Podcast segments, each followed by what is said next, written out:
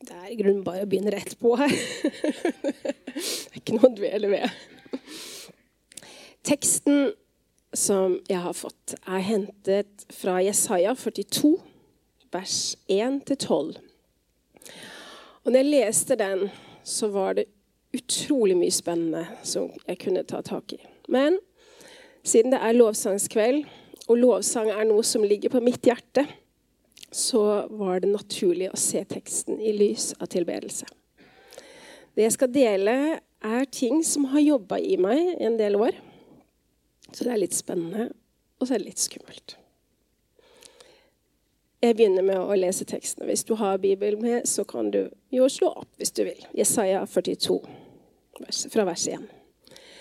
Se min tjener som jeg støtter, min utvalgte som min sjel har velbehag i. Jeg legger min ånd på ham. Han skal føre rett ut til hedningefolkene. Han skal ikke skrike og ikke rope, og han skal ikke la sin røst høre på gaten. Det knekkede rør skal han ikke knuse, og den rykende veke skal han ikke slokke. I sannhet skal han føre retten ut til dem.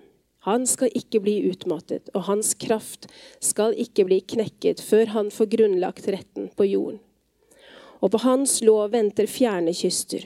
Så sier Gud Herren, han som skapte himmelen og utspente den, som bredte ut jorden med det som gror på den. Han som gir åndepust til folket som bor på den, og ånd til dem som ferdes på den.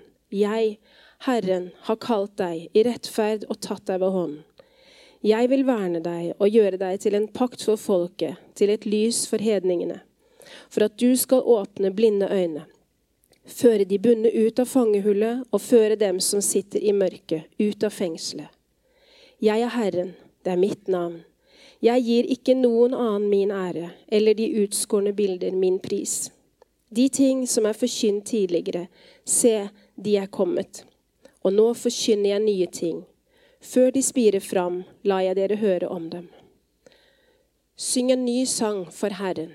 Syng Hans pris fra jordens ende, dere som farer ut på havet, og alt som fyller det. Fjerne kyster og dere som bor der.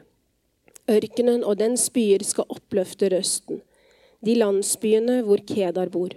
De som bor på fjellet, skal juble. Fra fjelltoppene skal de rope høyt.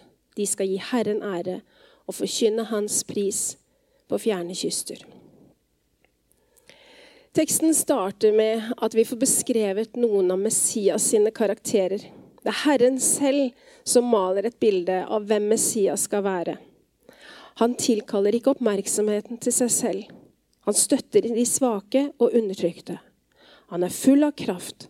Han setter fri og kommer med legedom. Han er pakten og kommer med frelsens velsignelser, som vi ved Guds nåde får del i.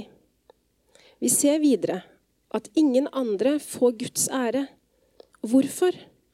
Jo, fordi det er ingen andre som er verdig hans ære. Finnes det da noe eller noen andre som vi som skal få vår pris og ære? I vers 9 leser vi de ting som er forkynt tidligere, se, de er kommet. Og nå forkynner jeg nye ting. Før de spirer fram, lar jeg dere høre om dem. I dette skiftet i teksten så kan vi se at Gud er en vi kan stole på. Ser du? Det jeg har sagt skal skje, har skjedd. Men det sier oss også noe om at Gud ikke er ferdig med sitt skaperverk og sin gjerning. Noe nytt er på vei, og vi skal få høre det før det spirer fram. Hva betyr dette? Jeg tror det ligger noe profetisk her. Et eksempel på det. Menigheten her har gjennom tiår fått ord og bilder som peker mot en vekkelse. Vi har fått glimt av noe som Gud vil gjøre. Han forkynner nye ting. Vi vet ikke når det vil skje, men vi har tro for at det kommer i Guds tid. Denne troen har vi fordi vi har erfart at han holder det han lover. Så erfarer vi at noen ganger tar det lang tid før vi ser hva dette nye er. Andre ganger ser vi det i løpet av kort tid. Som for alle andre har det også i mitt liv både vært lange og korte prosesser. Gud arbeider, og ting kan noen ganger endres raskt, og andre ganger er det prosesser som går over år. Jeg vil dele med dere litt av mitt vitnesbyrd og min vei inn i lovsangstjenesten. Og I det så er det viktig for meg å understreke at måten Gud møter meg, sannsynligvis vil være ulik måten han møter deg. Gud kjenner oss hver enkelt og møter oss sånn som han mener det er best der vi er.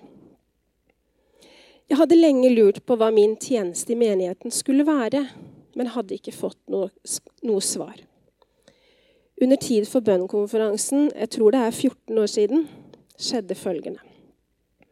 En av talerne bodde hjemme hos oss, og før vi gikk på møte fredag kveld, spurte han om jeg skulle være med i lovsangen.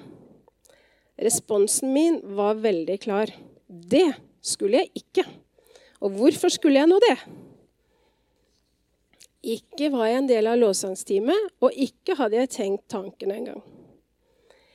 I løpet av lørdagen var det enda en som stilte det samme spørsmålet. Og responsen min, den var den samme.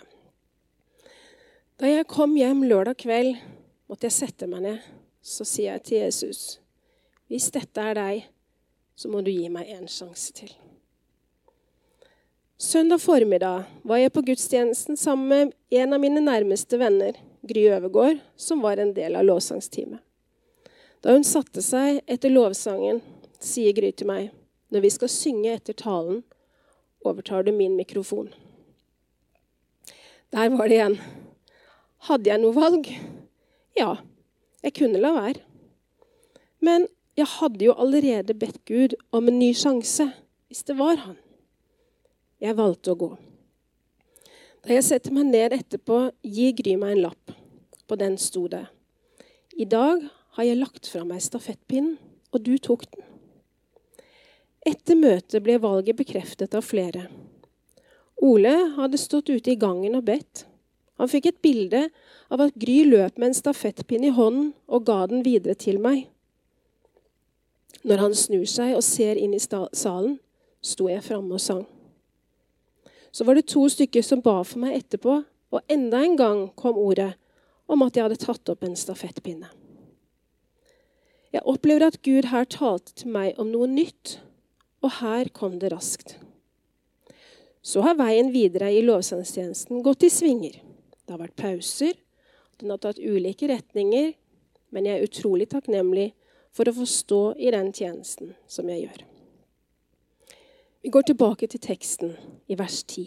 Syng en ny sang for Herren. Hva betyr dette for oss i dag? Hva er denne nye sangen, og hvordan kan det se ut? Det hebraiske ordet for ny er hadash.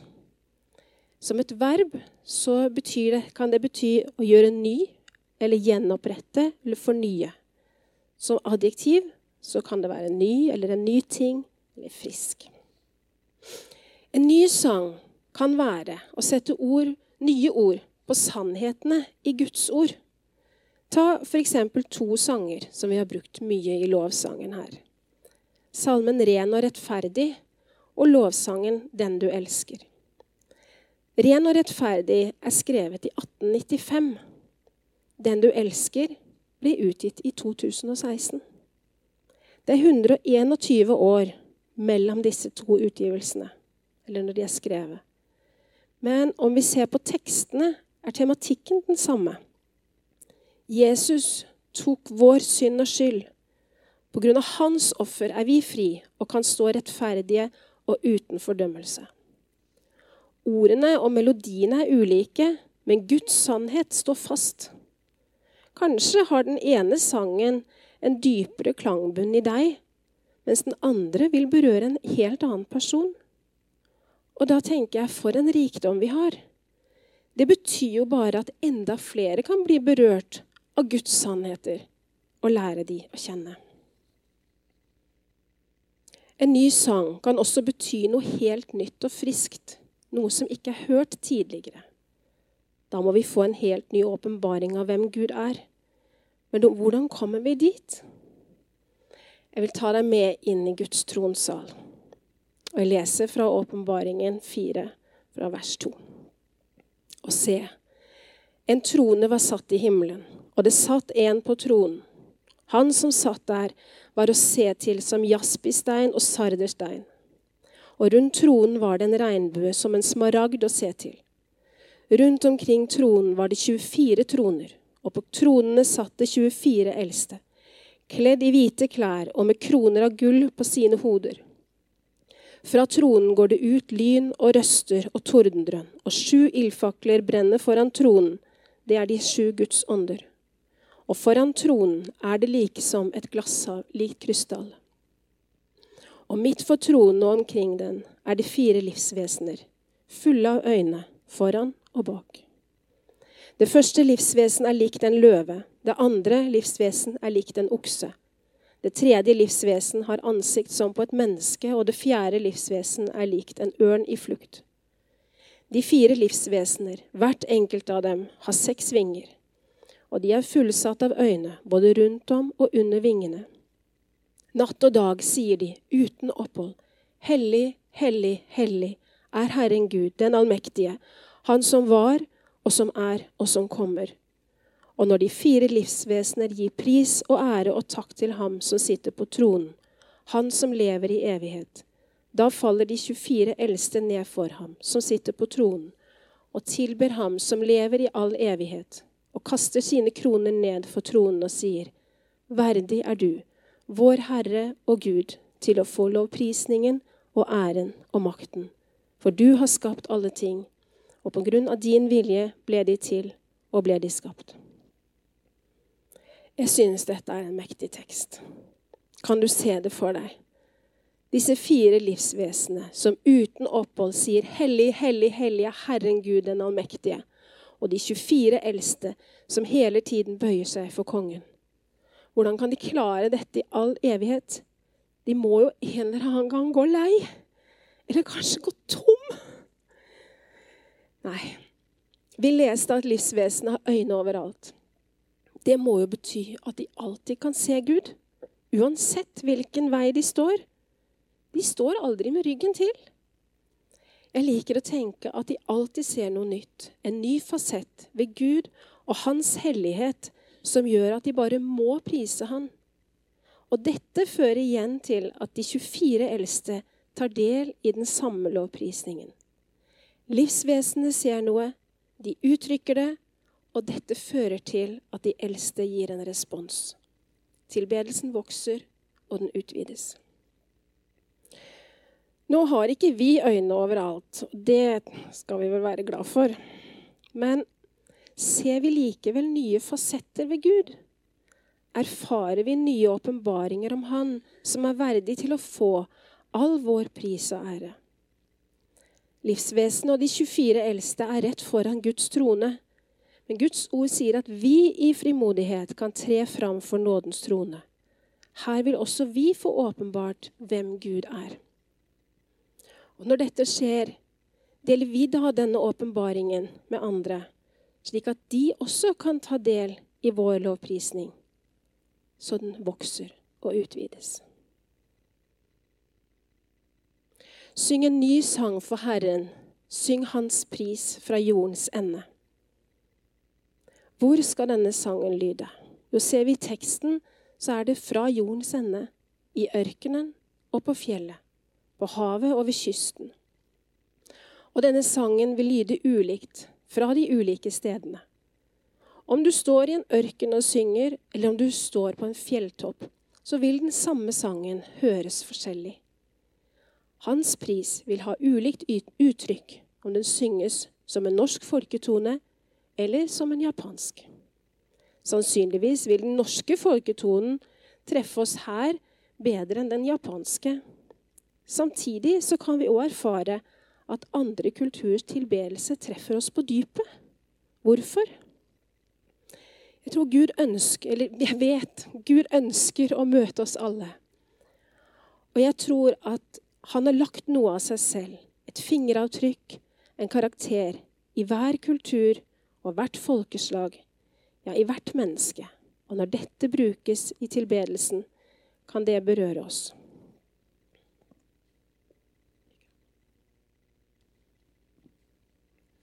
Dette skjellet, det kjøpte vi da vi var på Samoa. Det er laget til et instrument som vi ikke bruker her hjemme, men det brukes på øyene i Stillehavet. Og de blåser i det, og jeg skal ikke begynne å prøve meg på det. Vi har prøvd hjemme, men det gikk ikke så veldig bra. Uansett. Da vi kom til Hawaii, så hørte jeg det for første gang.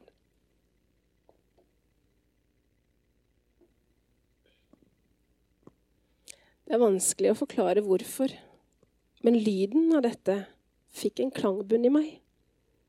Det ga meg en ny åpenbaring av Gud. Det berørte meg på dypet. Og vi fikk flere erfaringer av den polynesiske kulturen da vi var på Hawaii. Fordi vi var sammen med flere som bruker denne kulturen i sin tilbedelse. Rytmene, sangen og uttrykket brukes til å gi Gud ære, og også til evangelisering. Og Det er ikke sikkert at du ville hatt den samme opplevelsen der som det jeg hadde. Men det er gjerne noe helt annet som vil gi deg den samme opplevelsen. Tilbedelsen vår vil også være ulik etter hvordan vi har det i livet. Vi kan se på ørkenen som et tørt sted i eget liv, og fjelltoppen som et punkt der vi har forsert en stor hindring. Og jeg tror nok at vi synger en seierssang når vi står på toppen av fjellet, men er vi i ørkenen, så er det kanskje en klagesang. Bli med inn i tronsalen igjen, i åpenbaringen 7.9. Deretter så jeg og se. En stor skare som ingen kunne telle. Av alle folkeslag og stammer og folk og tungemål. De sto for tronen og for lammet, kledd i lange, hvite kapper og med palmegreiner i sine hender. Og de ropte med høy røst og sa, Frelsen tilhører vår Gud, Han som sitter på tronen og lammet. Kan du se det for deg?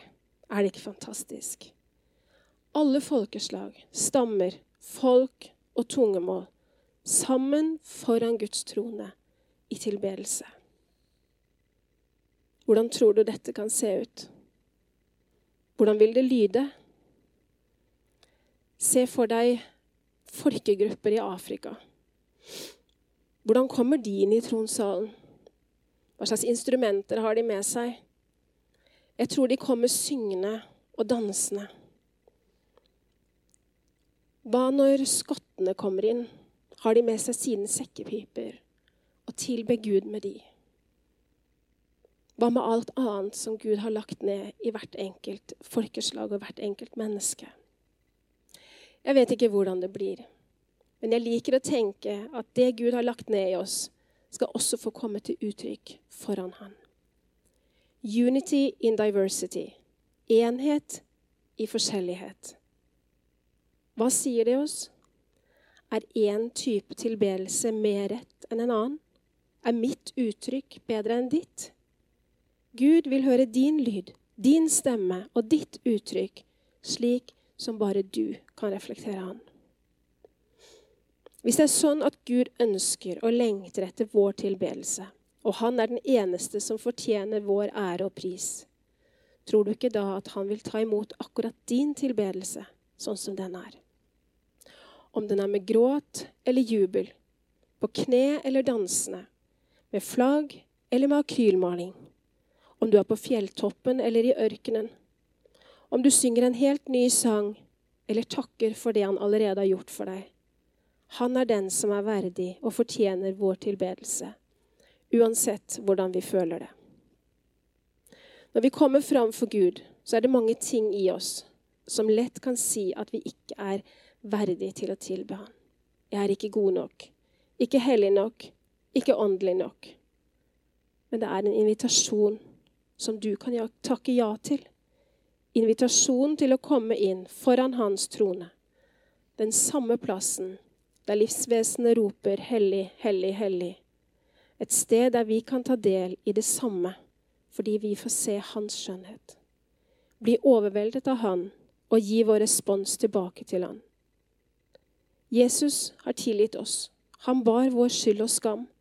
Derfor kan vi komme inn for hans trone med lovprisning og sang, uten skam og uten forbehold.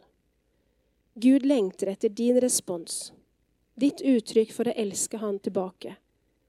Han vil vise deg noe nytt, og han inviterer deg til å vokse inn i det. Det er ikke en prøve du skal bestå. Fest blikket på Jesus. Glem de som står rundt deg. La han gi deg en erfaring av et dypere fellesskap i tilbedelsen enn det du trodde var mulig. Fra dette dype stedet av intimitet strømmer liv og autoritet. Denne nærheten og fellesskapet forandrer oss, leger oss og fyller oss med liv fra Han. Men kanskje mest av alt blir vi i dette møtet fylt av takknemlighet over hvem Han er, Hans skjønnhet og hellighet. La oss sammen stige inn for Hans trone i kveld. Kjære Jesus.